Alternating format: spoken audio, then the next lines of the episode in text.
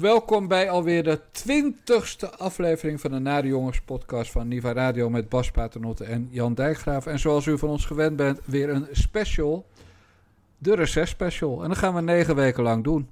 We beginnen vandaag met drank. Heerlijk helder, Heineken. Heerlijk helder, Heineken. Heerlijk helder, Heineken. Alweer een zondag zonder zon, terwijl de dag zo mooi begon. Wat ben je dan gauw uitgepraat, als er geen bier op tafel staat? Dus Heineken's bier, het meest getapt. Dat heerlijke bier waar je graag in hapt. Hij en zij samen Heineken, heerlijk helder, Heineken. Ja, als iemand van ons weet wat lekker bier is, Bas, dan ben jij het. Ik drink al jaren geen bier meer. Ik ben daar, denk ik, tien jaar geleden al mee gestopt. Ik werd er te dik van. En sindsdien drink ik uh, met name gin tonic en uh, droge witte uh, wijn. het liefste uit Chili. Waar het om gaat, Bas, dat Heineken reclame maakt voor Hugo de Jonge. Prikken, Ja, prikken, het is- prikken. Het is, en het is een opmerkelijke reclame. Ik moest er wel een beetje om lachen, omdat je dus allemaal bejaarde mensen in de dancing eh, ziet, eh, hun ding ziet doen. En dat is natuurlijk eh, een verwijzing omdat de ouderen als eerste zijn eh, eh, gevaccineerd. Maar zo'n groot probleem wo- gaat het niet worden voor Heineken. Ik heb laatst een rapport gelezen. 90% van de Nederlanders is vaccinatiebereid, zoals dat heet. Dus dat betekent dat 10% van de Nederlanders niet bereid is zich te laten vaccineren. Nou, het lijkt me sterk dat die allemaal stoppen met Heineken bier eh, eh, drinken. Heineken staat trouwens hier. Oh nee, we doen geen reclame natuurlijk. Ik wilde zeggen, Heineken ons hier misschien ook voor moeten betalen. Maar nee, ja, het is altijd spannend voor een, een commercieel bedrijf om zich in de maatschappelijke discussie te gaan mengen. En ze hebben dat eh, op deze manier geprobeerd. Ja, en ja, dan krijg je de, de, de wappies en de vaccinatie, of de antivaxers krijg je achter je aan. Maar ik neem aan dat ze die hier wel even goed over hebben nagedacht. eh, Ja, en die- of het rendement eh, ople- eh, eh, Of het geld kost. ja, of het eh, rendement opweegt tegen, tegen mogelijk eh, verliezen. Nou, als 10% eh, overweegt om zich niet te laten vaccineren, is nog maar een deel daarvan eh, boos natuurlijk. Ja, want er zitten ook gewoon, er zitten de gelovigen tussen. Ja. Nou, drinken, drinken die, weer? Die drinken wel hun biertje. Nou, althans, hè, op, de, op de Veluwe. Voor de, Ja, voor de, mos- zeggen, voor ja, de moslimmensen ligt het eh, eh, ik wil anders. al de scoopknop indrukken. Ja, ja, ja, ja. Nee, maar ze hebben ook alcoholvrij bier, hè? Is dat, is dat, is dat Radler? Is dat van Heineken?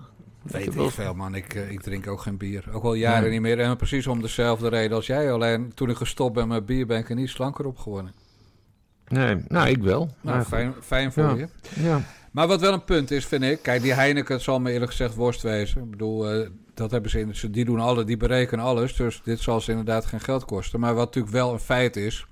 Is dat er geen reclame meer te vinden is in Nederland. Echt nul. En ik daag je uit om het tegendeel te bewijzen. Waarin eh, niet een politiek statement wordt gemaakt. Want er zijn dus geen witte stelletjes meer. Er zijn alleen maar gemengde stelletjes.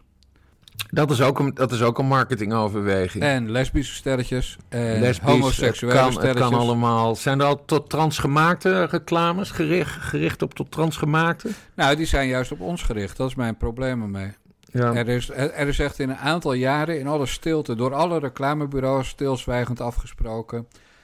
Inclusiviteit. ja. En elke reclame, bedoel, je moet maar opletten. Eh, ik heb een keer geprobeerd echt te zoeken naar eh, alleen maar blanken. Ja, dan kom je dus bij opsporing verzocht uit. Want daar Ja. mogen we, mo- moeten we minder mensen van kleur in. ja. Want anders niet inclusief genoeg. Precies. Maar wat betreft het prikken is Heineken wel de eerste. We gaan dansen bij Jansen. Ja, het was zo stom. We hebben het hier, we hebben er eerdere afleveringen over gehad, hè? Je kan het elke week over die man hebben. Ja, nee, maar ik, heb, ik, ik zei tegen... ja, jij zei van... eh, eh, het is ook de... s- Nee, hoe zat het nou? Jij zei het is de schuld van de jeugd. Ja. En ik zei, ik zei nee, het is juist niet de schuld van de jeugd. Het is de schuld van Hugo de Jonge en Mark Rutte... eh, die die versoepelingen afkondigen. En je kan er niet de jeugd verwijten dat ze losgaan. En zie wat er twee weken later aan de hand is. Vandaag, het is helemaal losgegaan. Eh, net zoals de besmettingscijfers stijgen. En het is nu nog wachten op de ziekenhuiscijfers. Want daar is nog niet heel erg veel beweging te zien, begreep ik. Eh, eh, maar dat komt omdat je altijd twee weken moet wachten voordat je het in de ziekenhuizen terugziet. Dus dat zullen we volgende week wel horen.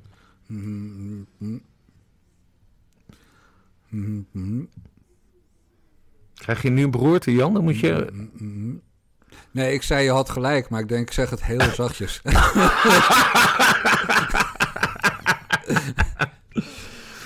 Oh man, en dan, en, dan, en dan ook nog die halfslachtige excuses van ze. Het waren eigenlijk twee excuses die ze maakten maandag. Eh, Rutte bood zijn excuses aan aan de journalisten, jullie, ja. zei hij. Ehm, eh, dat hij eh, vrijdag iets reflectiever had mogen zijn.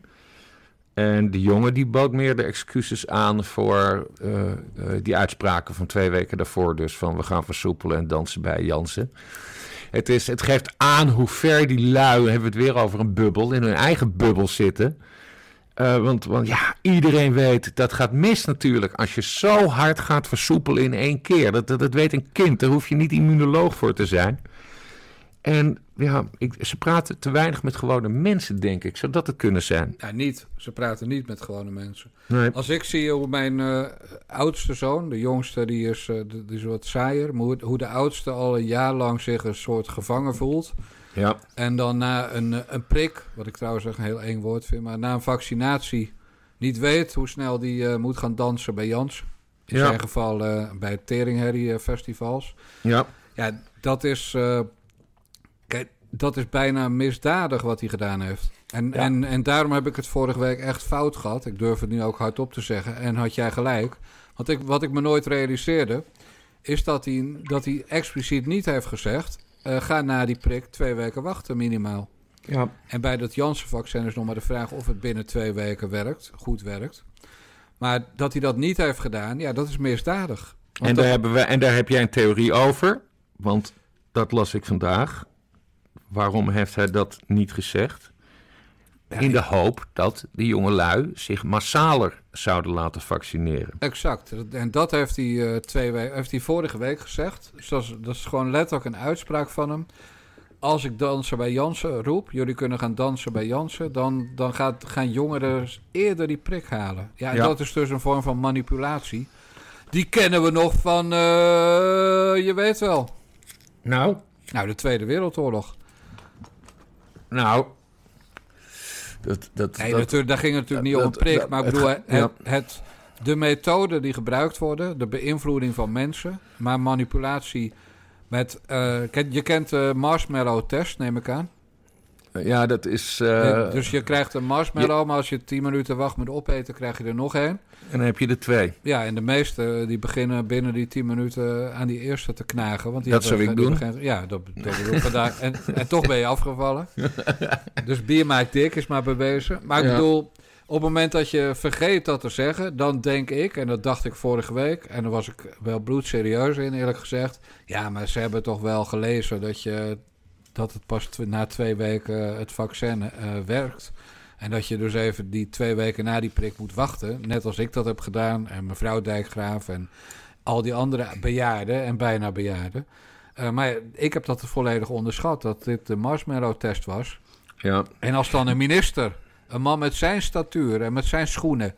En die zichzelf zo serieus neemt. Als die gewoon zegt: Jullie moeten nu je prik halen. Dan kun je gaan dansen bij Jansen. Ja, dan doen die, eh ja die maar, het allemaal. ja, maar wat nog veel kwalijker is. Is dat je er andere mensen eh, weer mee in gevaar brengt. En dat het zelfs eh, tot het verlies van levens kan leiden. Net zoals we in de verzorgingstehuizen hebben gezien. Hè, wat Ja. volledig is aan te rekenen. Vooralsnog is dat natuurlijk niet het geval. Want de ziekenhuisopnamen die gaan eh, nog steeds niet omhoog. Omdat Nee. het natuurlijk jongeren zijn. Ja, Maar ja, weet je, het gaat natuurlijk wel gewoon eh, weer helemaal fout. En, en we, vorige zomer, weet ik nog heel goed hoe dat ging.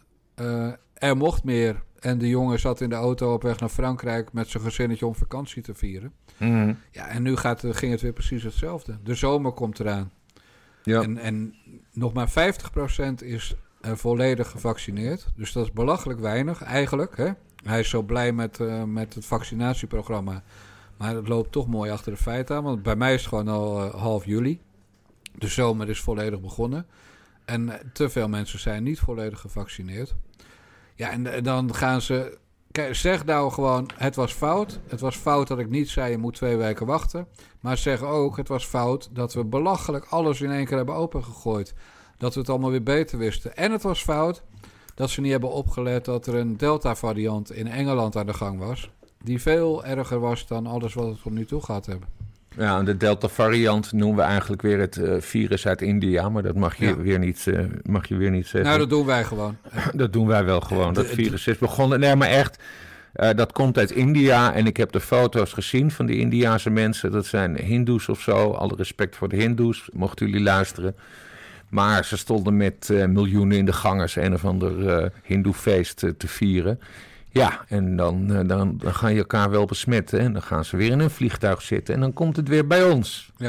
Want ik begreep van onze grote vriend Erik de Vlieger. Die reisde naar Portugal na dit weekend. Mhm. Nou, naar Port- Portugal is inmiddels oranje. De Algarve althans, waar hij naartoe moet. En er wordt op, op Schiphol niet gecontroleerd. Op niets. Nou ja, als het bij de uitgaande vluchten niet gebeurt... dan weten wij wel wat er bij de binnenkomende vluchten gebeurt. Ja, Hetzelfde namelijk. Het is één grote teringzooi. Ja, en daarom, Bas, vind ik dat we de jongen eigenlijk niks meer moeten verwijten. We moeten Rutte niks meer verwijten. We moeten de Tweede Kamer verwijten. Want die gaan op woensdag weer, eh, in, weer het coronadebat houden. Ja. Ze komen terug van rete- reces, de helden. Nou, een deel dus, een klein deel van de Kamer. En dan gaan ze weer glas, plas, was doen. Nou ja, kijk, dat is wel het ding. Hè. We nemen dit op op dinsdag. Het debat, eh, u hoort dit op woensdag. Het debat is om 1 uur eh, vanmiddag begonnen. In de ridderzaal trouwens, omdat de Tweede Kamer eh, half in, in stukken ligt en verhuisd wordt en weet ik veel. De helft van de, van de tafeltjes die zijn al weg en de stoelen zijn al verhuisd. Dus vandaar de ridderzaal. Eh, wat je zegt over de Tweede Kamer klopt wel, want iemand moet daar gewoon een keer eh, ja, even doorpakken. Want ik vind dus wel dat Hugo de Jonge moet opstappen. En hij kan ook opstappen. Je kan als demissionair minister opstappen. Dat heeft, eh, kom, hoe heet hij alweer? Die, dat stripfiguur van de... Wiebes? Erik Wiebes. Ja. Die heeft dat ook gedaan. Hè? Nou, Het kabinet was gevallen en daarna is hij alsnog opgestapt. Eh, vanwege zijn eerdere verantwoordelijkheid in het dossier van de toeslagenaffaire. Dus Hugo de Jonge kan ook opstappen. Mark Rutte is een ander probleem. Want dan is de demissionair premier zou dan weg zijn. En dan kom je wel heel erg snel op het punt van, eh, van nieuwe verkiezingen. Ehm, eh, maar los van dat, Hugo de Jonge kan gewoon weg. En waarom halen ze niet een, een, een man met ervaring, die Marcel Levy? Ja. Dat, dat is die internist. Eh, waarom maken ze die dan niet gewoon even, even minister? En, van, en laat hem zijn eigen team formeren. PvdA en dan toch zijn wij daarvoor. Is hij PvdA? Oh, Ja, dat wist ik niet eens. joh. Maar dat, nee, helemaal eens. En waarom gebeurt het niet? Ja, omdat ze, omdat ze in, de, in de coalitie... Ja, ze onderhandelen nu op dit moment niet eens. Maar omdat er wordt gewerkt aan, aan, een, aan een coalitie. Ja, maar toen dat vrijdag dus gevraagd werd in de persconferentie, toen werd er eh, eh, door de een lacherig gedaan en door de ander minachtend. Lacherig door de jongen en minachtend door Rutte. Ja, Van, hoe durven jullie dit te vragen, stelletje Ja. brutale apen. ja. Het is toch elke dag weer de terechte vraag. Wat doet in godsnaam de Hugo de Jonge daar nog? ja hij, kan, hij kan helemaal niks. Maar, en dan kom je inderdaad uit bij de Tweede Kamer. Ja, want die laten dit die lieten Want de die- die laten het- gebeuren. Ja. Die laten alles gebeuren in dit dossier. Die hebben, die hebben volgens mij één ding bereikt, als ik het zo, als mijn geheugen nog op orde is. En dat is dat de avondklok een half uur later begon dan gepland. ja, het half uurtje van D66. Van Rob Jetten. Ja, Ja, Oh, kon die- man, kon dat was ook even- zo triest. Die hele avondklok was sowieso een rukmaatregel. Daar Absoluut. ik- was ik van dat dag heen op tegen. Dat, Wat mij eh, bij de jongen nog opviel, en dat was op het, bij het persmoment op maandag. Toen eh, werd aan hem een vraag gesteld. Die begon echt met: Meneer de Jonge, heeft u? En toen gaf Rutte antwoord. En als je de jongen toen zag, dacht ik even: die gaat een Bruno Bruinsje doen. Hij, hij, eh, hij stond heel erg te wankelen. Hij was vreselijk wit, rood om de ogen. Ja? Ja, ik dacht, daar gaat hem. Ja, ik ben deze week vrij, dus ik, heb, ik, ik, ik zie alles een dag later zo'n beetje. Ja, hij stond echt, eh, hij stond En- echt eh, voor het eerst was eh, zeg maar die, die, vrolijke, die vrolijke uitstraling waar we zo'n pokhekel aan hebben. Ja. Die was helemaal weg. En, en dat Rutte antwoord geeft voor hem, dat deed Rutte vrijdag ook een paar keer op de vraag of hij moest aftreden. Maar maandag dus weer bij dat persmoment waarin ze sorry zeiden... om het debat een beetje te vergemakkelijken. Maar ja, het lijkt erop alsof Hugo de Jonge aan het eind van zijn Latijn is. Ja, hij heeft er eerder zo uitgezien. Dat heeft Geert Wilders toen, dat was volgens mij eind Oh ja. vorig jaar ergens. Geert Wilders zag het heel goed en die zei van, eh, oh wat ziet u er slecht uit meneer de Jonge. Dat is trouwens een, een trucje wat we vroeger tijdens, eh, ja wanneer was dat, studententijd of zo, dat je iemand ziek gaat praten. Gewoon Ja. voor, om te dollen in het café van, jezus wat zie jij er bleek uit. Gaat het wel goed met jou? Moet je niet even zitten? En dat iemand dan in milde paniek Ja. raakt van, oh kut, voel ik me echt niet goed. Wat is er aan de hand? Misschien En- heeft Hugo wel corona. Ja, ja, dat zou kunnen. Nee, nee, want hij heeft zich al heel vroeg laten prikken, meen ik. Dat is al Ja, hij heeft zich maanden... 40, 40 keer, als je de foto's volgt, heeft hij zich 40 keer laten prikken. Bij, wij- bij wijze van. En anders, Nee, maar je wenst... Nee, nee, maar serieus. Je, nee, je wenst, wenst hem, geen ziekte toe. je wenst hem geen ziekte toe, natuurlijk. En het is een hele zware job. Maar het, het gaat mij niet zozeer om dat ik bang ben dat hij niet meer trekt. Ik pleit voor die, die, die Marcel Levy, omdat het gewoon iemand is waar ik wel vertrouwen in heb. En geef mij iets één punt waarom ik nog, waar dan over, ook vertrouwen in Hugo de Jonge zou eh, moeten hebben. Ik zou niet weten. Wat Ja. heeft hij één ding goed gedaan? Ik weet het echt niet. Nee. Ja, Nee. dan kunnen we heel lang stil blijven. Maar Ja. laten, we, laten we gewoon een motie eh, eh, in stemming brengen. Een hoofdelijke stemming. Motie van wantrouwen tegen Hugo de Jonge. Dat kan, Ja. de Ja. eh, paternotte, Bas in dit geval. Ja. Dijkgraaf Jan. Ja, voor. Ja, voor. Hij is weg. Nou, stemmen, hoofdelijk. Ja, dat hadden we al gedaan. Ja. Voor voor, ja, oké. paternotte, Bas. Hoe moet dat? Is dat eerst Bas of is het eh paternotte Bas? Nu er twee paternottes in de kamer zitten. Eh, Of, of valt het kwartje? Stel dat ik in de Tweede Kamer zou zitten, dan ben ik primair, want ik, ik heet Bas en hij heet Jan. Kijk. En de B komt eerder in het alfabet. Maar trouwens, qua stemmen gaat het op loting, hè? Dus dan trekken ze een lotje en dan komt er een nummer uit. Ja, en dan mag dat op alfabet. Ja. Maar goed, de, eh, wij zijn dus eh, unaniem hebben wij besloten dat hij op moet rotten. Ja, hoort de beraadslaging eh, zijn we het volledig eens deze keer. Ja. Nou, ja, ik denk dat hij gewoon blijft. Ja, hij blijft ook. nou, zullen we maar voetbal gaan doen? Ja, Luke Shaw. Goed eruit gekomen, Harry Kane. Ruimte aan de rechterkant. Trippier.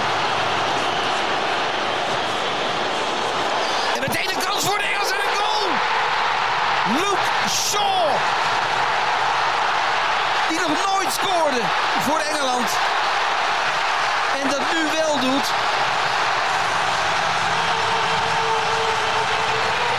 Prins William, die juicht zoals een aantal weken geleden ook onze koning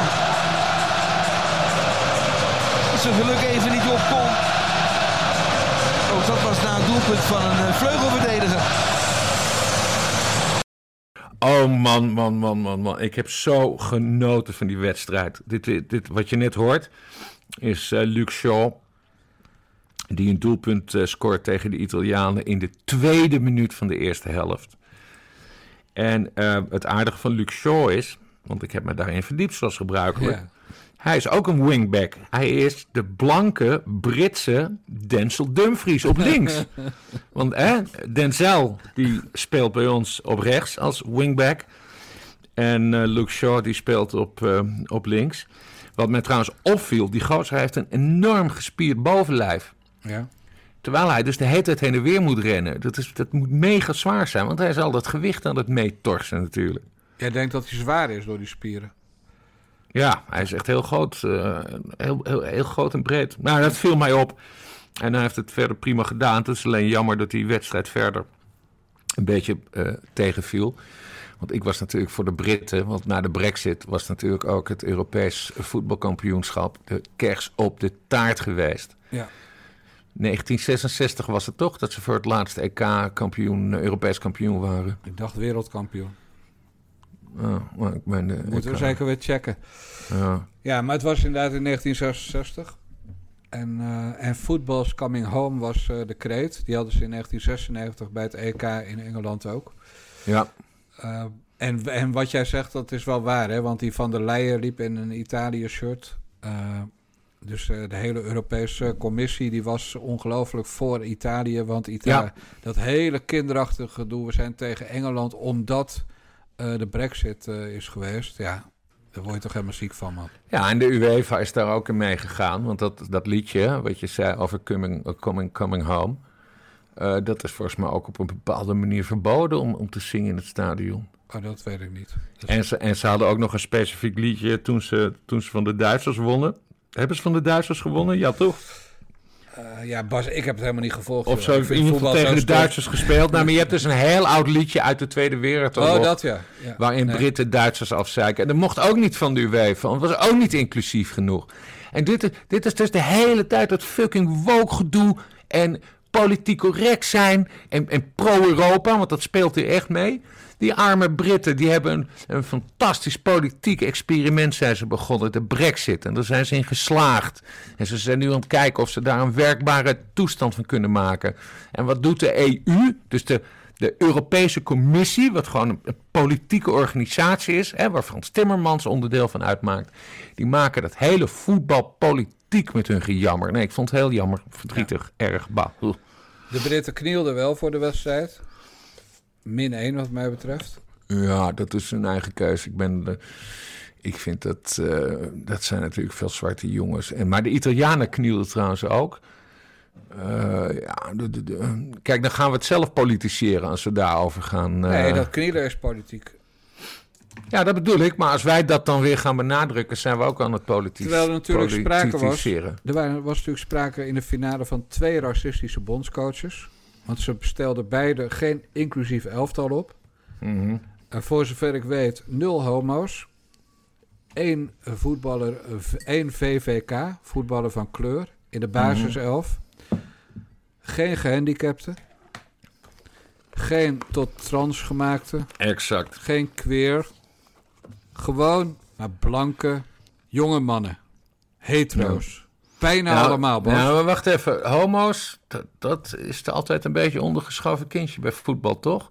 Dat, dat homo's dat liever niet zeggen. Ja, dat klopt. Dus we weten helemaal niet of er geen homo's tussen zaten. Nee, maar we kijk, zoals jij je voorbereidt op toernooien, of dit toernooi, en echt alles wist van de Engelsen en de Italianen, heb ik natuurlijk de bladen gekocht. Ja. En dan zie je de spelersvrouwen. En daar kwam ik dus niemand tegen zonder vrouw. Dus het kan best dat er kasthomo's tussen zaten. Bij Italië of bij Engeland. Mhm. Maar geen homo's die al uit de kast waren. Eh, dus, dus het was zeer niet inclusief. En daar Nee. heb ik niemand over gehoord, Bas. Nee. En Weet wat je- doet dan die Engelse bond, bondscoach? Die zet bij de strafschoppen, net voor de strafschoppen, zet hij alsnog twee VVK's in. Ja. En die, ver- die vertieven het. ja, en dat snapte ik niet. Want aan de ene kant, in de, in de Britse kranten, die waren er verdeeld over. Want sommigen zeiden, die, die twee jongens op het eind, dat waren wel strafschopspecialisten. En dat, en dat snapte ik niet, want dat werkte dus niet heel goed. Maar weet jij dat, of het strafschopspecialisten waren? Dat weet ik niet. Ik weet dat eh, twee mannen in het veld stonden die nog geen bal geraakt hadden. En hun eerste balcontact was een strafschop. Ja. En dan op dat niveau, met die druk. Ja, weet je, het, het is een beetje wat Van Gaal deed eh, in 2014, meen ik, met Tim Krul. Dus dat hij de keeper verving voor de strafschoppenserie. Ja. Eh, dat pakte goed uit. En dus was Van Gaal de, de grote held, hè, het genie. Omdat hij dat durfde. Nou, en die Shaw, die bracht dus eh speler, VVK's in. En als die VVK's de beslissende winnende strafschop erin hadden geschoten... Ja, dan had eh, de hele wereld moeten knielen voor het Engelse elftal. Ja, ja, ja. Nee, dat speelt natuurlijk geen rol bij die coach. Maar ik dacht echt van, man, jij bent gek. En, en dat heeft niks met de kleur van die spelers te maken. Maar als je spelers er speciaal inbrengt voor de strafschoppen... dan wacht je niet tot het moment dat ze echt geen bal meer kunnen raken voor de strafschoppen. Dan doe je toch Ja. wel de laatste 15 minuten van de verlenging... zodat ze een beetje warm zijn. Dus dit Ja. was echt een tactische blunder, vond ik, van de coach. Ja, ik vond het heel jammer helemaal omdat het er in eerste instantie op leek dat ze dus wel gingen winnen in die, in die strafschop. Dankzij de wingback. Dankzij de wingback. Nee, ehm, wat ik trouwens wel geweldig vond, dat wil ik nog even zeggen. Die Italiaanse keeper, twee meter lang is hij geloof ik. Zijn naam heb ik niet opgeschreven. Maar die verschilde ontzettend van de Britse keeper. Die Britse keeper die stond heel dynamisch boven op de lijn voor een strafschop heen en weer te springen en te kijken hoe die ging duiken. En die Italiaan, die bleef gewoon stokstijf staan als een enorme reus. En die besloot pas op het allerlaatste moment zijn, eh, zijn hoek uit te kiezen. Dat vond ik echt heel erg geestig. Want hij, daardoor intimideerde hij ook. Ja, Heb je het wel gezien, Jan Dijkgraaf? Ja, natuurlijk. ik- Ja, oké. ja, natuurlijk. Alleen, ik moet ook eerlijk zeggen, ik was alleen, maar ik viel wel af en toe in slaap. Ja. En ik had heel veel moeite om wakker te blijven. Maar die Donnarumma, de keeper van Italië, jong Hmm. ventje trouwens, Zo heet hij, Donnarumma. een, een topper. Maar van die Engelse keeper werd ik helemaal gek. Wat een neuroot, wat een imbeciele stad. Hij was ook de hele tijd boos. Hij was Ja, de hele tijd alleen maar boos. En, ja. oh, ik vind het wel jammer dat voetbal voorbij is. Want we hebben, krijgen hier na de Olympische Spelen, maar daar heb ik echt geen fuck mee. Dus, Nee, gaan we die ook beha- behandelen? Ja, tuurlijk. Daar zit geen publiek, hè? Dat wordt ook bizar. Een Olympi met nul publiek op de tribunes. Nou, daar wordt helemaal niks aan, joh. En, en sowieso, het is toch al... eh, ja, leeft helemaal niet. Dus, ja, Tokio toch? Japan? Ja. Ik geloof het wel, Bas. Erg, ergens eh, binnen twee weken begint die ellende. Ja. Oh, ik wil nog één ding. Ik wil nog even over de scheidsrechter hebben. Dat was een Nederlander, Björn Kuipers. Ja. Mijn vrouw vertelde me dat, wist ik helemaal niet. Die man is dus multimiljonair. Die heeft twee supermarkten. Ja, en die heeft hij voor miljoenen verkocht. Oh, dat weet ik niet. Ik dacht die ze nog had. Nee, hij is, hij is echt multimiljonair. 15 miljoen euro of zo heeft hij. Hij doet hij goed. Vond ik zo geestig. Ja. Want dan, dan, dan is voetbal echt een hobby. Want voor het geld hoeft hij het niet meer te doen. En hij kan zich een heel klein beetje meten met al die kerels die op het veld staan... die ook allemaal multimiljonair zijn. Ja. Maar hij is dus gewoon rijk geworden van zijn supermarkt. Hij Dat heeft wist het ik goed niet. gedaan. Ja, ja. Ja. En Was dit ook nou zijn laatste wedstrijd? Dat weet ik nee, niet meer. het was zijn laatste toernooiwedstrijd. Maar hij, Oké. hij, hij wil gewoon door met competitievoetbal. Misschien Europees ook, dat weet ik niet. Maar hij zal geen EK of WK meer fluiten. Ja. Eh, hij verdient trouwens wel een tonnetje of twee hè, per jaar. Als scheidsrechter. Dus, dus los van wat hij aan die supermarkt verdiende en verdiend heeft. Ja. Voetbal, scheidsrechters verdienen best wel aardig. Maar hij deed het goed. Weinig op aan te merken. Nou, het, het was wel grappig. Eh, Hij is drie keer is hij bijna aangeschoten. Dan, toen moest hij een heel raar sprongetje maken. Ja. Dat heb ik bijgehouden. Heb je dat ook gezien ja, of niet? ja, zeker. Oh, we ik, kom een keer, ik kom een keer naar jou toe en dan gaan we samen een voetbalwedstrijd kijken. En dan moet er een camera open. Ja, een camera erop en dat gaan we allemaal opnemen Ja, dan. natuurlijk. Ja, we- Ja. Je doet niet voor je lol. Ja, maar we hebben dus dezelfde dingen gezien, Jan. Terwijl jij alles weet van voetbal en ik een, eh, een, een, een, een beginner ben. Ja. Wat, wat aan die momenten dat hij moest opspringen, wat hij trouwens goed deed. Maar eigenlijk mag dat een scheidsrechter niet overkomen. Omdat je weet hoe de looplijnen zijn en, en hoe er gespeeld wordt, wordt. Hoor je uit de, uit de lijn te blijven van waar de bal vermoedelijk heen gaat. Ja. Dus drie keer in een wedstrijd is best wel veel. Maar Ja, hij- nee, daar, maar daarom Ja. viel het op. Want ik, Ja, ik, ik heb dat wel een keer gezien, maar dit was dus drie keer. Ja. En wat gebeurt er eigenlijk als hij, als hij wordt aangeschoten? Want scheidsrechtersbal. En dat betekent? Dan eh, gooit hij de bal op de grond. En als, eh, als hij bijna zeker weet dat hij naar het ene team zou gaan, dan gooit hij hem alleen naar een speler van het ene team. Als het nou bij een duel zou gebeuren, dan gooit hij hem in het midden. En dan eh, is het kwestie wie hem het eerst raakt. Oké. En dat gebeurt altijd op de plek waar het fout ging. Dus in dit geval waar hij dan gestaan zou hebben. Als een, eh, wat ook wel grappig is voor jou, voor, voor het volgende toernooi. Hè? Dus als we in november en december 22 weer de Nare Jongens podcast maken. We zitten dan eh, op aflevering 100 of zo. Ja. En dan eh, heb je het WK in Qatar. Als, als er geschoten wordt op doel. En de scheidsrechter, of laten we zeggen, er wordt naast geschoten. Maar de bal gaat omdat de scheidsrechter in de weg staat, toch het doel in. Dan telt gewoon het doelpunt. Want de scheidsrechter is een zogenaamd dood element. geweldig. En dat gebeurt ook als een hond het veld inloopt. Als een hond dan, eh, laat, bij wijze van spreken, als een hond eh, het veld inloopt, een hond met een grote bek, die pakt de bal op en die loopt een doel in. En de scheidsrechter heeft nog niet afgefloten, dan telt dat doelpunt. Oké. Grappig, hè? Dat zijn strategieën die waarschijnlijk op het platteland plaatsvinden. Ja, nou, nou, daar gebeurt het. Ik, heb, eh, ik was ooit met, eh, met Bob Dijkgraaf bij een eh, wedstrijd van Sunderland. En dat was in de tijd dat ik bij, HP de tijd zat, denk ik. Dus heel lang geleden. Maar een wedstrijd van Sunderland waar een, zo'n strandbal, zo'n zo'n plastic bal met hem met zo'n lucht, zo'n hele grote, het veld op werd gegooid. En toen werd er via die bal gescoord. Moet je maar even googlen. Jezus. Nou, en dat was ook het beslissende doelpunt in die wedstrijd. Ongelooflijk. Ja, dus dat is, eh, dat is wel geinig. En dat, en dat is dus vastgelegd, want dat heet een doodelement. En Ja. het doelpunt via een doodelement, ook al is het een Het dode lopende- element eh, bestaat gewoon niet in. eh, dus, dus dat, dat is geen reden. eh, kijk, de scheidsrechter mag altijd affluiten als hij het ziet. Ja, kijk, in het geval van zo'n hond moet je affluiten, omdat die hond ook niet op het veld mag zijn eigenlijk. Maar als hij Nee. vergeet af te fluiten, moet hij het doelpunt goedkeuren. ja. Grappig, hè? Heel grappig. Dus een streaker is eh, die, die nooit in het veld, nooit in beeld zijn als ze bij voetbal het veld. Nee, maar dat was, dat was dus ook hè, met Engeland, Italië. Dan zie je al die kerels ergens naar kijken. En opeens besef je, oh, er is een of een aanslag. Of er is een streaker op Ja. het veld. Want, want ze laten het niet zien, vind ik zo flauw. Ja, precies. Ja. Over streakers gesproken. Nee hoor. Laten we, het, laten we het eens over hele ordinaire wijven gaan hebben. Want ja, het is een recess special of niet? Ja, here you go. Lief allemaal, Glennis hier. Nog steeds in shock over het nieuws over Peter de Vries. Ik ehm, zat gisteren in een restaurant en ik kreeg het nieuws te horen eh, van de mensen die daar werkten. En ik ben eigenlijk meteen naar huis gegaan omdat ik gewoon geen zin meer had om datgene te vieren waar ik eigenlijk eh, voor uit eten ging. Dat vertelt ook meteen hoe erg ik het me aantrek wat er is gebeurd. En niet om dat nou aan de hele wereld te laten merken, maar dit berichtje is ook niet voor niets. Ik zou vanavond optreden in Pasta e Basta. Maar dat ga ik niet door laten gaan. Ik heb er goed over nagedacht. Maar puur omdat ik, ehm, omdat ik dat niet kan. Ik, ik trek het niet om vanavond voor een vol publiek op te treden en leuke liedjes te zingen. Laat staan de, de, de, de ballads. Ik ben daar nu, voor nu even te emotioneel voor.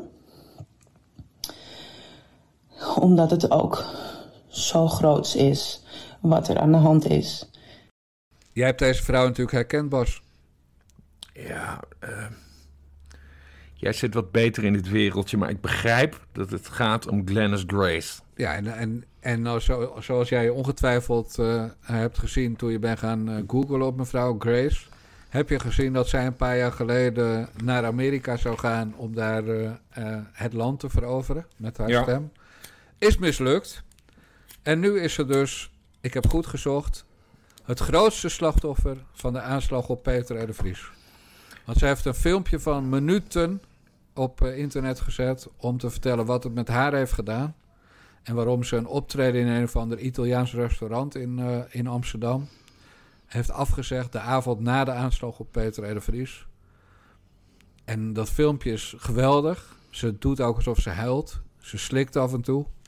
En, en het mooie is, ze kennen elkaar helemaal niet. Dus Nee, Peter dat vroeg, ik, dat vroeg ik mij af, want jij zit wat beter in die entertainmentwereld. Kent die vrouw? Eh, Hebben ze ooit samengewerkt in het een Nee, of ander? en ook geen andere dingen gedaan waar Peter R. de Vries nogal van houdt. Gewoon niet. Ze kent hem helemaal niet. Ja, zoals wij hem kennen.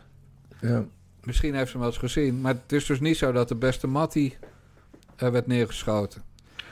Nee, dat is, de, dat, is, dat is die aandachtshoederij, hè? Dat Ja. je, dat je zo'n onderwerp naar je toe probeert eh, te trekken. En maandag hadden we een goede nummer twee. Bridget Maasland. Bridget Maasland, die vertelde dat ze achter Peter R. de Vries had kunnen lopen... als ze die avond dienst had gehad. Als ze die avond gepresenteerd had. Ja. En, ja, oké. Dus dat is hetzelfde als eh, Gordon. Ik weet niet of je dat nog herinnert. Er was een, eh, een of andere moslim die eh, een bus of een vrachtwagen in Nice eh, die boulevard opreed. Een paar jaar geleden, Ja. eh, in juli. En, eh, 80, meer dan 80 doden, dat was een hele erge Exact. aanslag. En Ja. toen, toen had Gordon ook eh, eh, op social media gezet... dat hij erbij had kunnen zijn. Want eh, ja, hij zou die dag naar Nice vliegen. Ja. En dat ging niet door. Maar als die had gevlogen, ja, dan was Gordon... eh nou, en dit, Glennis Grace is gewoon... Die is Gordon nu voorbij, hoor. Want Gordon, die, die is eng.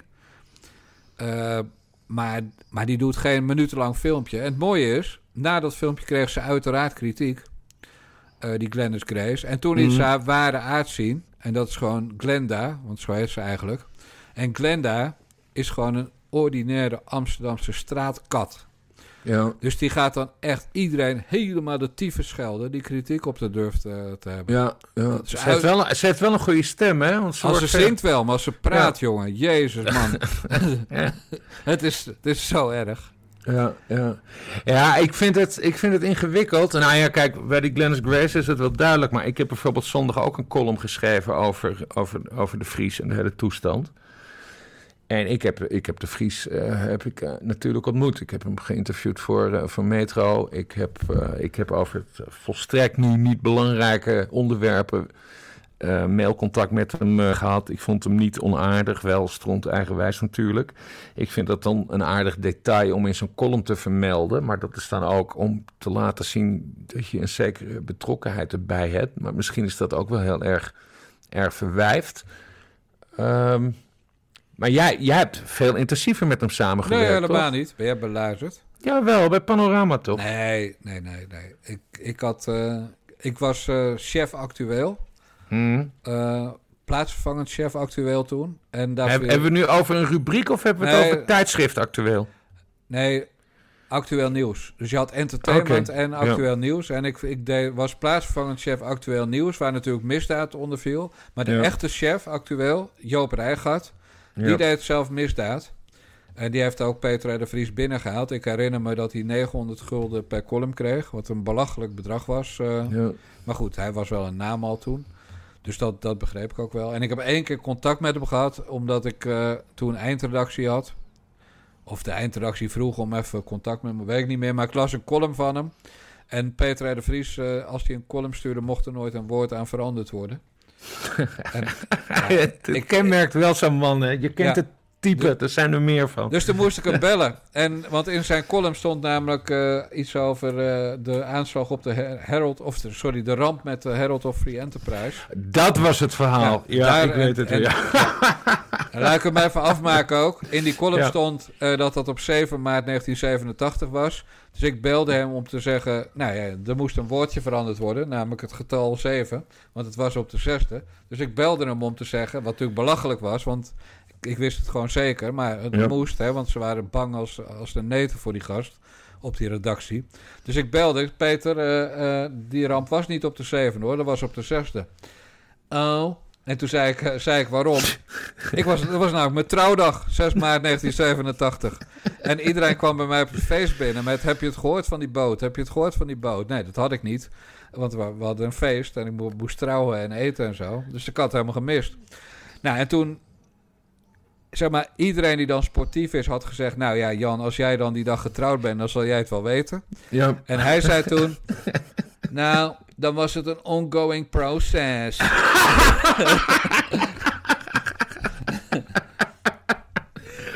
En- oh, wat goud. En Ja. het is niet meer goed gekomen, Bas. Nee, eh, Nee. eh, en verder, eh, alle respect voor, voor zijn werk als misdaadjournalist. En alle respect voor hoe die mensen helpt die in de shit zitten. Dus daar gaat het helemaal niet om. Maar ik ben ook stront eigenwijs. Maar als ik ongelijk heb, echt ongelijk, met feiten, zoals data. Ja, dan geef ik het... Nou je hebt het meegemaakt een half uur geleden. Ik zat er helemaal naast met eh, eh, Hugo de Jonge en de jongeren. Ja, Ja. dan moet je gewoon toegeven. En dat, ik, ik weet niet of Peter... Wat je ruimhartig deed met je... Dat bedoel ik, ja. met, met wat wij sinds kort herkennen hier als alpaca neukgeluiden. Ja, ja, precies, precies. Maar goed, ik heb, eh, ik heb alle... eh, kijk, daar had ik het eh, vorige week over, hè, toen dat nieuws binnenkomt. Dat is natuurlijk allemaal een nieuwsflash en nieuwsalert en weet ik het allemaal. Dus, dus Ja. mevrouw Dijkgraaf riep mij uit de hangmat, waar ik af en toe een boek in lees. Een eh, aanslag op eh, Peter R. de Vries.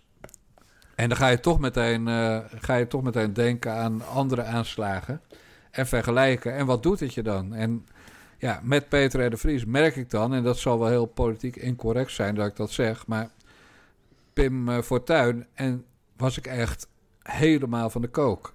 Dan, Ja. Toen dacht ik echt van, en ja, het is natuurlijk 2002, dus gewoon bijna 20 jaar geleden. Maar toen dacht ik echt van dat dit in Nederland kan gebeuren. En Theo van Gogh, gaan we het zo nog even over hebben, was ik ook aardig van de kook, omdat hij columnist bij Metro was, waar wij toen allebei werkten. Ja. Dus dan wordt gewoon je eigen columnist afgeknald. Mede vanwege al die dingen die hij over moslims in die column schreef. Dus natuurlijk ben je dan ook heel erg van de kook. En bij Peter R. de Vries, ja, je wist het gewoon. Als je met de kroongetuigen inlaat, hè, en klasse dat hij dat doet, eh, hartstikke goed dat hij dat doet. Maar de advocaat van de kroongetuige is al vermoord. De broer van de kroongetuige is al vermoord. Als jij dan zegt, ik wil geen bewaking, want dat is allemaal heel amateuristisch in Nederland. Ja, dan loop je dit risico. Dus ik vond dit veel minder een, een verrassing eh, in de zin van, ja, dit kan niet in Nederland. Nee, dit is meer van, het gebeurt en dat zat er wel een keer in. Ja, nee, maar dat, dat, had ik, dat had ik ook. Want je hebt er natuurlijk altijd rekening mee gehouden met dat de Vries iets zou overkomen. Want hij heeft eh, in die criminaliteit met zoveel mensen ruzie, eh, ruzie gehad. Eh, Willem Holleder. Ehm, hoe heet die ene jongen nou? Die, die drugs, drugsbaron in Spijkerbroek. die naam die we op Panorama nooit mogen uitspreken. Ehm, nee, het- het- oh, Steve Brown. ja. Ja, maar nee, maar dat, dat is een kleine krabbelaar. Nee, maar die heeft bij Panorama heeft hij wel zwaar mensen lopen bedreigen hoor. Dat, eh, dat, Ja. is, dat is inmiddels ruim tien jaar geleden. Maar dat, eh, dat, nee, dat, dat, moet je, dat weet jij toch ook? Jawel, die is ook de Vries wel eens te lijf gegaan. Maar Peter en de Ja. Vries die slaat Steve Brown met een halve hoek neer. Dus dat is geen punt. Oké, goed. Hopen dat Steve Brown niet uh, meeluistert. Uh, nee, wat ik betoogd heb in mijn, mijn Bassioff-column, mijn zondags-column, uh, was dat Peter R. de Vries dan maar tegen zijn zin beveiligd had moeten worden. Ja. Uh, dat kan in Nederland. Ehm, sowieso, als je, als je minister bent, word je tegen je zin beveiligd als er iets aan de hand is. Want dan ben je cruciaal voor het landsbestuur. Dus dan kun je nee zeggen en hoog en laag springen zoveel je wilt. Je, wordt gewoon, je krijgt gewoon persoonsbeveiliging. Uh, journalisten en advocaten, die hangen daar onderaan, zeg maar. Ja. Uh, dus de Vries die had het volle recht om te zeggen: ik wil niet beveiligd worden. Maar ja, de overheid, dat kan niet anders dat de veiligheidsdiensten wisten dat het risico serieus was. En ik denk dat je dan iemand tegen, tegen, jezelf, tegen zichzelf moet beschermen. Uh, dus de Vries die had gewoon al een jaar geleden in een, uh, in, een, in een auto gestopt moeten worden, naar een safehouse gebracht. En dan professionals die op hem inpraten van we weten precies waarom jij niet beveiligd wil worden, maar het is echt heel verstandig als we jou toch gaan beveiligen. Ja. He, want je krijgt nu ook de hele tijd dat gedoe van ja, aanslag op de rechtsstaat. Nou, ik vind dat de rechtsstaat misschien wel wat meer zijn best mag doen om dit soort dingen te voorkomen. En als daar in eerste instantie bij hoort, voordat we de hele Nederlandse Marokkaanse criminele sector kapot maken, als daarbij hoort dat je een, een prominent journalist, maar hij was niet alleen journalist. Hij, in dit hij, geval totaal niet zo. Uh, nee, precies. Maar uh, dat je die tegen zichzelf in bescherming neemt en die gewoon uh, veiligheid gaat bieden. Of je nou wil of niet. En dan was dit niet gebeurd. Nee, denk ik ook niet. En dan had hij ook geen. En dat is natuurlijk waarom hij ervoor koos zoals hij koos. Dan had hij ook geen leven gehad. Want dat zien we aan Wilders. Ja, dat is Geert Wilders. En die John al sinds. Uh, die, uh, en John van de Heuvel, die zit ook in de beveiliging. Geert Wilders is trouwens ook wel interessant. Dat weet ik niet. Of ja, ik denk het wel. Geert Wilders die, die heeft er wel zelf voor gekozen mee te gaan in dit traject. Maar ik weet alleen van ministers dat die tegen hun zin beveiligd kunnen worden. Ik denk dat het voor Kamerleden toch anders ligt, omdat je Kamerlid bent. Maar... Nee, klopt. Hè. Wat, wat nog een, uh, een zijsprongetje. Ik lees ook de NRC. Ik had nu applaus verwacht, maar... ja, nee, maar Jezus, ik lees NRC Handelsblad. Ik heb de ja, pas maar, ik ben een proleet. jij, bent een, jij bent een lord. maar goed. Vertel, wat, in, wat heb je gelezen? In, in NRC hebben ze een leuke interviewserie altijd in de zomer. Een soort uh, waarbij ze twee mensen bij elkaar brengen. Hmm. En dat waren afgelopen zaterdag uh, Franka Treur, schrijfster uit uh, zeg maar de, de Revo-hoek. Mhm. Mm -hmm. En mevrouw Gul, zeg ik het goed? Lale Gul. Oh, Lale Gul, ja. Ja, ja. Ik, ik, doe nooit zo mee aan de hypes, dus die had ik niet zo erg op mijn vizier nog. Maar goed, die hadden samen een interview en toen vertelde die uh, mevrouw Gul heel trots dat haar boek ook verfilmd zou gaan worden. En toen, eh, toen vroeg Franka Treur, of de interviewsters, dat weet ik niet meer, maar die vroeg heel terecht: zou je dat nou wel doen? Mhm. En toen werd verwezen naar Ayaan Hissi Ali. Ja. Eh, want, en dat vond ik terechte opmerking, beeld hakte veel meer in dan een boek. En zeg maar, eh, boze moslimpjes, bondkraagjes, die lezen helemaal geen boek. Als ze al kunnen Nee. lezen. En voor zover ik weet is nog niet in Turks vertaald dat boek. Dus als die film uitkomt, loopt zij serieus gevaar.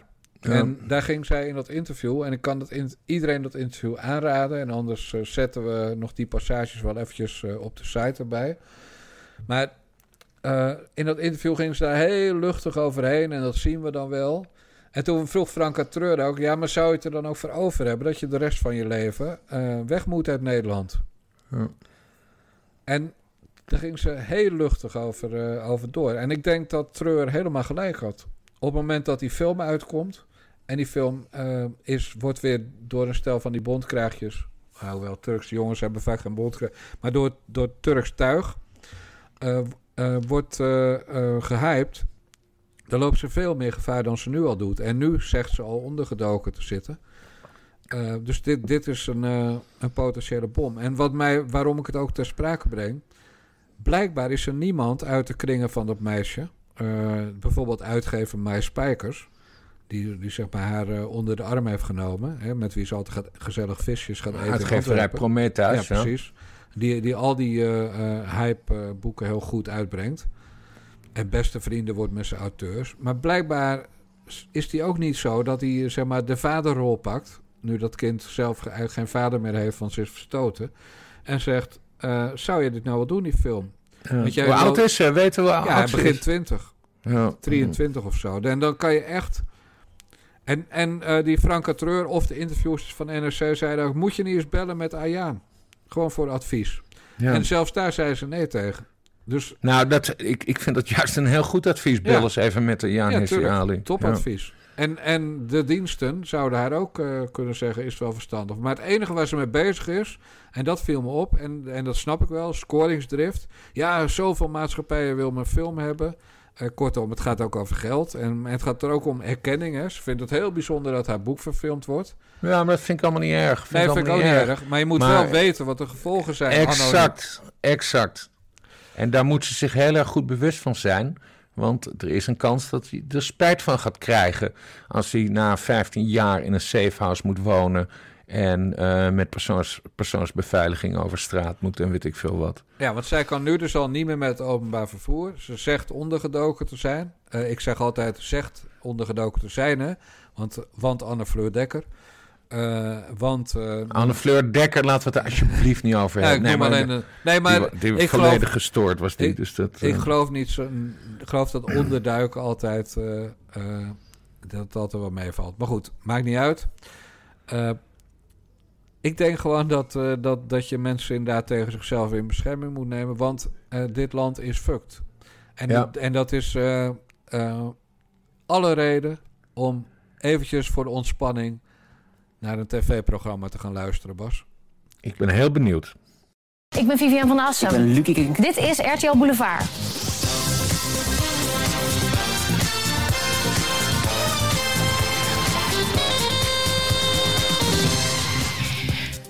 Eigenlijk, Bas, wilde ik, eh, eh, wilde ik de muziek van eh Massa is Kassa doen. Van de Mhm. familie Gillis. Maar ik denk, ja, dan krijg ik weer de vraag, wat is dit?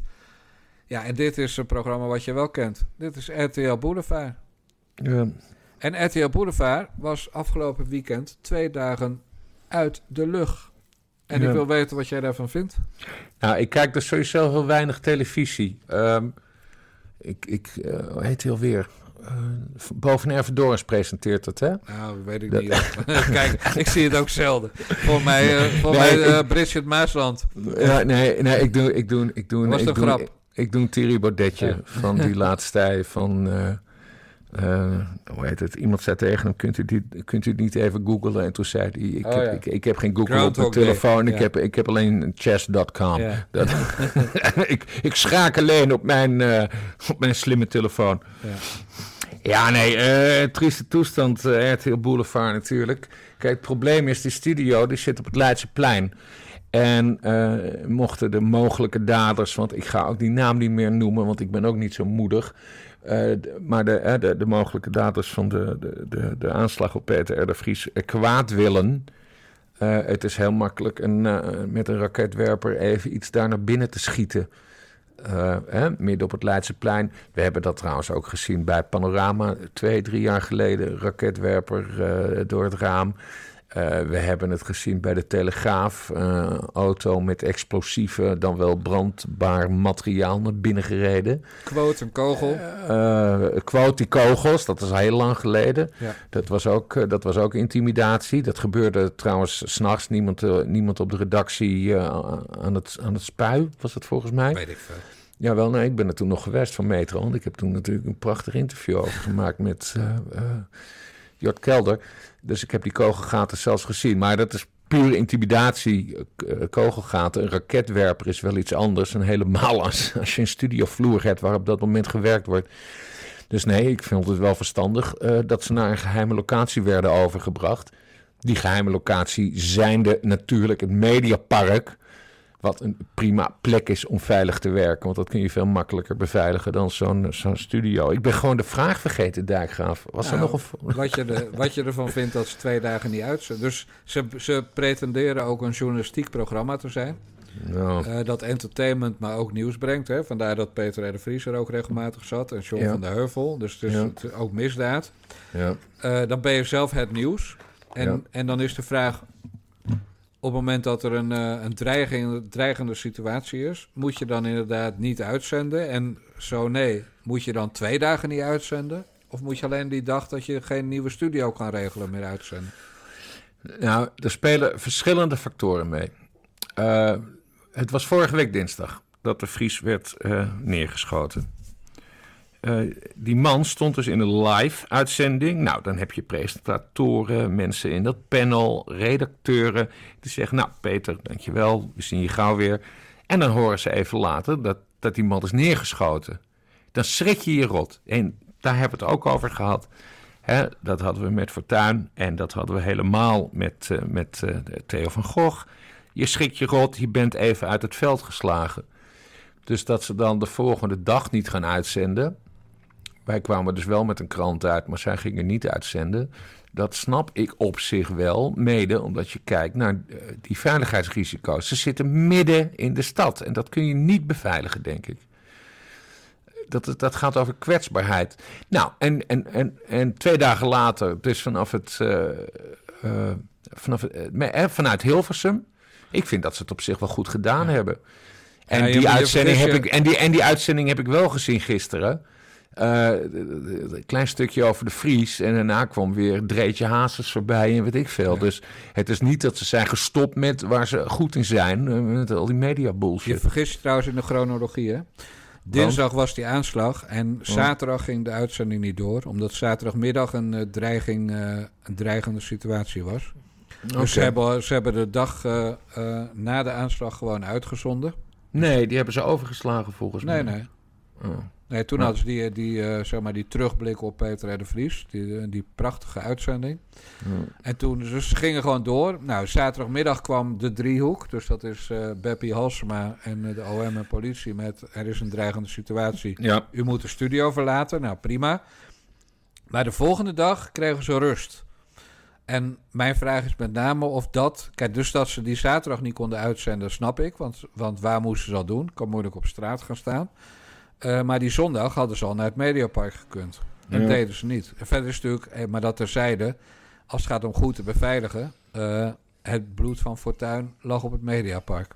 Ja. En zo goed is het daar ook niet beveiligd. Maar goed, dat zal allemaal wel. Maar ik vind het echt een serieuze vraag... als je jezelf een journalistiek programma noemt... is of je een dag rust moet nemen. Dus, dus die eerste dag snap ik... maar twee dagen niet uitzenden... omdat de redactie rust verdient... vind ik een beetje watje eerlijk gezegd. Ik zou, er zelf, ik zou er zelf niet voor kiezen, maar ik heb er alle begrip voor. Oké. En misschien waren ze al bezig met die, met, die, met die nieuwe studio en die moet ook opgebouwd worden. Nee, het is de oude studio van, eh, van het sportprogramma. Maar kijk, Bas, Ja. toen Van, van Gogh eh, werd vermoord... hebben wij wel gewoon een krantje gemaakt. Ja. Ik geloof niet dat Bas Paternotte toen zei... de eerste dag... eh, wij hebben ook dreigementen binnengekregen. En de tweede dag... eh, je krijgt even rust. Ik geloof Ja. dat wij op zo'n moment juist... keihard gas gaven. ja. Zonder hulp van de politie trouwens. Ja, in tegendeel, ja. Vertel jij maar eens hoe dat ging, ja. Nou ja, eh, Theo werd dus neergeschoten op 2 november. Ja. Dan, daarna krant maken. Ik weet nog dat de internationale metro, hè, want het was een Zweeds bedrijf vroeger, Ja, of Deens, of wat ik veel, Zweeds. Die hebben toen nog overwogen om eh, eh, de hele top van de redactie naar het buitenland over te brengen. Klopt Ja. dat? Ja, dat klopt. Ja. Ja, dan heb ik dat goed onthouden. En de directie. En de directie. Eh, de politie heeft heel weinig gedaan voor ons. Ze zullen wel een beetje langzaam wezen rijden. En op een gegeven moment heeft Metro toen zelf voor beveiliging gezorgd. Ja. En dat vond ik wel heel goed.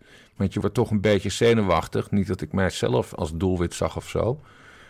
Maar eh, ja, het hakte er gewoon zo fucking zwaar in... dat die dikke Theo van Gogh gewoon dus ge- neergeschoten en gekeeld was. Iemand die we gewoon kenden, hè, waar we mee omgingen. Waar we mee rookten in de Waar- kantine. ja, en, en, en, en, en, en mee dro- dronken. En, eh, je hebt ook wel eens een column van hem afgewezen en zo. Dat was allemaal heel erg geestig. Eh, nee, het, het hakt er heel erg hard in. En, en, maar volgens mij is nooit de, de journalistieke keuze van ons is nooit geweest van, weet je wat, we stoppen met de krant. Nee, en, de, en het idee van Metro International om eh, met de top van de redactie en het, en het bedrijf in Nederland naar het buitenland te gaan. Hè, dus voor onze veiligheid werd zelfs de Mossad mensen bijgehaald. Ja, oud-medewerkers van, de Oud-medewerkers Mossad. van de Ja, Mossad, die, ja, die, die- die waren in het bureau begonnen. Oh, het was wel Ja. spannend op een bepaalde maar goed, manier. dus Maar toen, goed. hebben, toen, toen ze in, in Zweden zeiden jullie moeten weg. Hmm. Toen zijn we echt heel hard gaan lachen. Met Ja. eh, de kapitein, eh, kapiteins verlaten het schip als laatste. ja. En niet als eerste. Maar er is geen seconde overwogen om geen krant uit te brengen. Of om Nee. eh, niet naar de redactie te gaan. Of weet ik veel. Nee, er was gewoon... Je was het nieuws. En je, je stond er. En, en ik geef eerlijk toe, er was geen dreiging zoals nu zaterdag bij RTL Boulevard. Dus dat, dat praat ik ook absoluut goed. Dat ze toen zeiden, van, ja, ja, geen uitzending, helaas. Maar die tweede dag, ja, vind ik echt watje. Echt, vind ik echt helemaal niet goed. Dat, eh, ze moet, de redactie verdient rust. Laat Nou ja, wat je zegt trouwens over de, over de dreiging tegen Metro. We gaan, nu, we gaan nu wel echt heel ver terug in de tijd. maar we, dat, dat weten, we, weten we helemaal niet hoe dat zat eigenlijk. Want hè, we hebben eh, op 15 november... Ja, 15 november. Ik heb het hier opgeschreven. Toen hebben wij nog een keer een heel groot artikel geschreven... over al die bedreigingen, het adres van Van Gogh... En die we naar de politie hadden gestuurd... waar de politie niks mee gedaan heeft. Ja, klopt. Dus we weten het niet.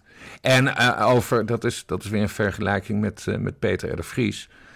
Theo van Gogh wilde dus ook niet beveiligd worden. Die kreeg. eh, hè, het begon allemaal in. Dat heb ik ook opgeschreven. Ik heb me wel goed voorbereid Goed man, hè? vandaag. Ja, ja, nee. nee. Het lijkt wel een voetbalwedstrijd. Ja, nee, precies. Anders moet ik het allemaal opzoeken. Nee, het begon in augustus. Eh, Su- Submission. Die film die hij maakte Ja. met Jan Herse Ali. Drie maanden later werd hij dus eh, eh, geëxecuteerd door, door die moslim-terrorist. Eh, maar in die tussentijd hadden wij die doodsbedreigingen al naar de politie gestuurd. En die hebben er helemaal niks mee gedaan. En dat is natuurlijk fucking crazy. Ja, dat was vanaf Vervolgens- februari al hoor trouwens. Vervolgens heeft de politie wel contact met Van Gogh opgenomen. Van we rijden wat vaker door de buurt en je moet laten weten waar je bent. En toen was hij bezig met de opname eh, van nog 6 nog 5, de film over eh, de aanslag op eh Pim Fortuyn. Echt alles komt nu samen. Ja. En toen was hij bijvoorbeeld anderhalf uur kwijt. En dat had hij bewust gedaan. Toen zijn ze heel hard wegwezen rijden. En toen kon de politie hem niet meer vinden. En hij nam zijn telefoon niet meer op. En dat was ook heel flauw. Maar ook in het geval van Van Gogh zeg ik... Ja, Die hadden we dus ook preventief moeten beveiligen. Dan maar tegen zijn zin. Dan maar op de set, eh, terwijl hij 0605 draait, met een paar DKDB'ers uh, om zich heen, hè, persoonsbeveiligers. Maar dan had uh, Theo ook nog geleefd. Ja. ja, in elk geval was hij niet vermoord. Ja, roken is ook slecht. Ja, ro roken en drinken is natuurlijk ook een ding. en overgewicht. maar ja, nee, maar dat zijn dus een soort bepaalde losse geesten. Pim Fortuyn wilde eigenlijk niet beveiligd worden. Uh, Theo van Gogh niet en Peter R. de Vries ook niet. Nee. En ze zijn nu alle drie dood. En over alle drie de zaken werd gezegd dat het een aanslag op de rechtsstaat was. Maar ik vind vooral dat de rechtsstaat zijn verantwoordelijkheid heeft laten liggen. Maar dat zei ik net al. Ja, maar dat betekent dus dat, dat, dat uh, uh, je moet je laten beveiligen of uh, je gaat er gewoon aan. Dat is een beetje op het moment dat het echt serieuze dreiging is. Hè? En, en beveiligd zijn is geen leven meer hebben. Nee, oké, maar we weten van Fortuin dat een milieuterrorist hem heeft weten te vermoorden. We weten van Van Gogh dat een islamterrorist hem heeft weten te vermoorden. En we weten dat uh, vermoedelijk iemand uit het circuit van de Nederlandse Marokkaanse criminaliteit. Ho, ho, uh, ho, en, ho, ho, ho, ho. Een rapper van BNN-Vara. Een rapper van BNN-Vara bovendien. Weer de publieke omroep trouwens. NPO.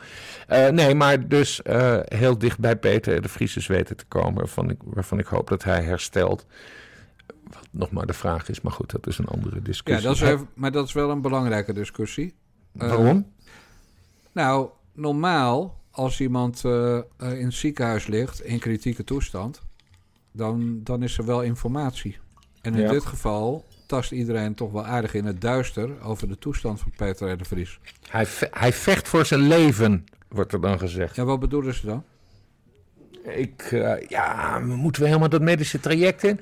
Nou, het is geen medisch traject. Nee, maar we weten, we weten beide, laten we dat gewoon maar eerlijk zeggen, want wij zijn tenslotte de nare jongens, wij mogen dat zeggen. Uh, hij is door zijn hoofd geschoten. Er zijn vijf schoten op hem gelost. In ieder geval eentje door zijn hoofd. De verdere details weten we niet.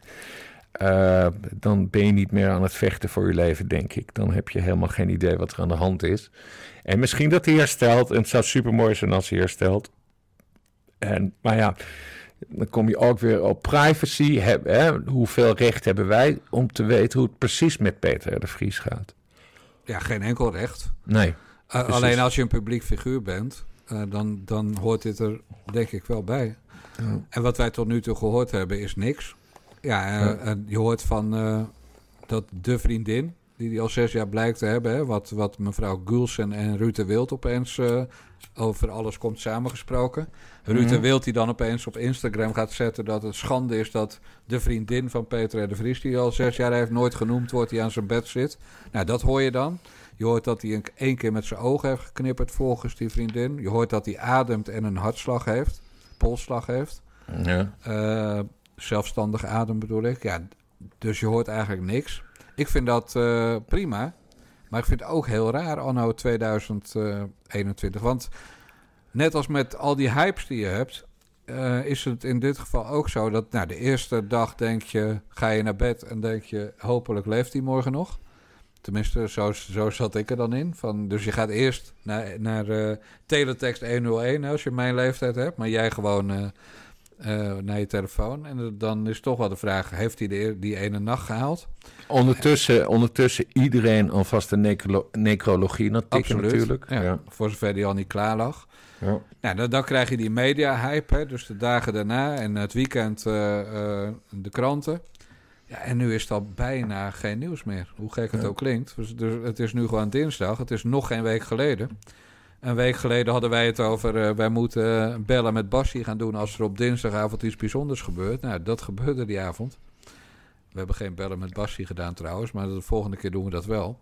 Ja, want ik zat om... Ik, ik dacht... Uh, Dijkgraaf gaat bellen. bellen. Ja, ja Dijkgraaf, Dijkgraaf was de kano aan het poetsen. nee, Bas, Dijkgraaf zat gewoon voor de tv als nieuwsconsument. Ja, ja. Uh, maar maar een, na een week is, ja, is dan een beetje... Ja, echt, zolang er geen groot nieuws is, is, is het uh, stil. Ja. Raar is dat. Ja, nee, maar goed, zo, zo, werkt, zo werkt een nieuwscyclus. En wat natuurlijk meespeelde is dat... Uh, dat gaat natuurlijk een overleg met de familie, met, met RTL en de politie. Uh, er zijn natuurlijk gelijk 200 rechercheurs dan aan het werk om te kijken van wat weten we, wat kunnen we nog meer weten, uh, welke kant komt het vandaan. Nou ja, ik denk dat ze daar wel vrij snel achter waren. en toen hebben ze al snel die twee jongens dezelfde avond op die snelweg weten op te, op te pakken. Hele strakke actie trouwens. Een hele strakke actie. Dat komt dus door uh, kentekenplaatidentificatie. Uh, ja. boven, al die, boven al de snelwegen waar we altijd op klagen. Of althans autobezitters, want ik heb geen auto en geen rijbewijs. Maar dat heeft in dit geval erg goed, goed gewerkt. Maar nee, ja, er komt een soort mediastilte natuurlijk, een blackout, omdat, omdat allemaal diensten en politie aan het kijken zijn. Uh, wat is er precies aan de hand?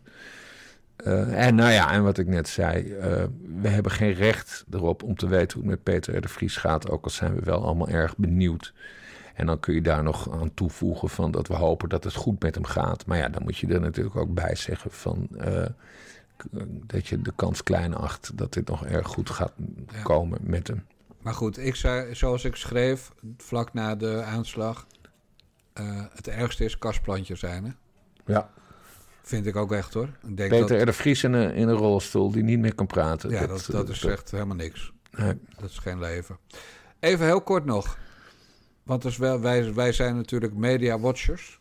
Ja. Uh, naast, uh, hoe noem je het altijd? Politieke junkies. Komt er nu een lichter onderwerp? Nee, nog niet. Even, ik, zei, ik zei even heel kort nog. Wel of niet die foto publiceren. Waarom wel de foto van Fortuyn en wel de foto van Van Gogh? En waarom niet de foto van uh, de Vries? Oh, ik vind het allemaal zo'n totaal onzin. Je moet het gewoon laten zien. Klaar. Ja, Zo simpel okay. is het. Bas, we en... zijn het weer eens. Ja, mooi. Dit was de twintigste aflevering van de Nare Jongens podcast van Niva Radio. Onze website is nivaradio.nl.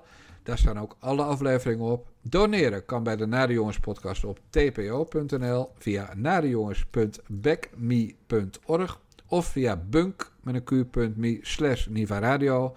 Heb je tips, wil je ons overladen met complimenten? Heb je gewoon wat te zeiken? Mail dan redactieassistente Naomi op redactie.nivaradio.nl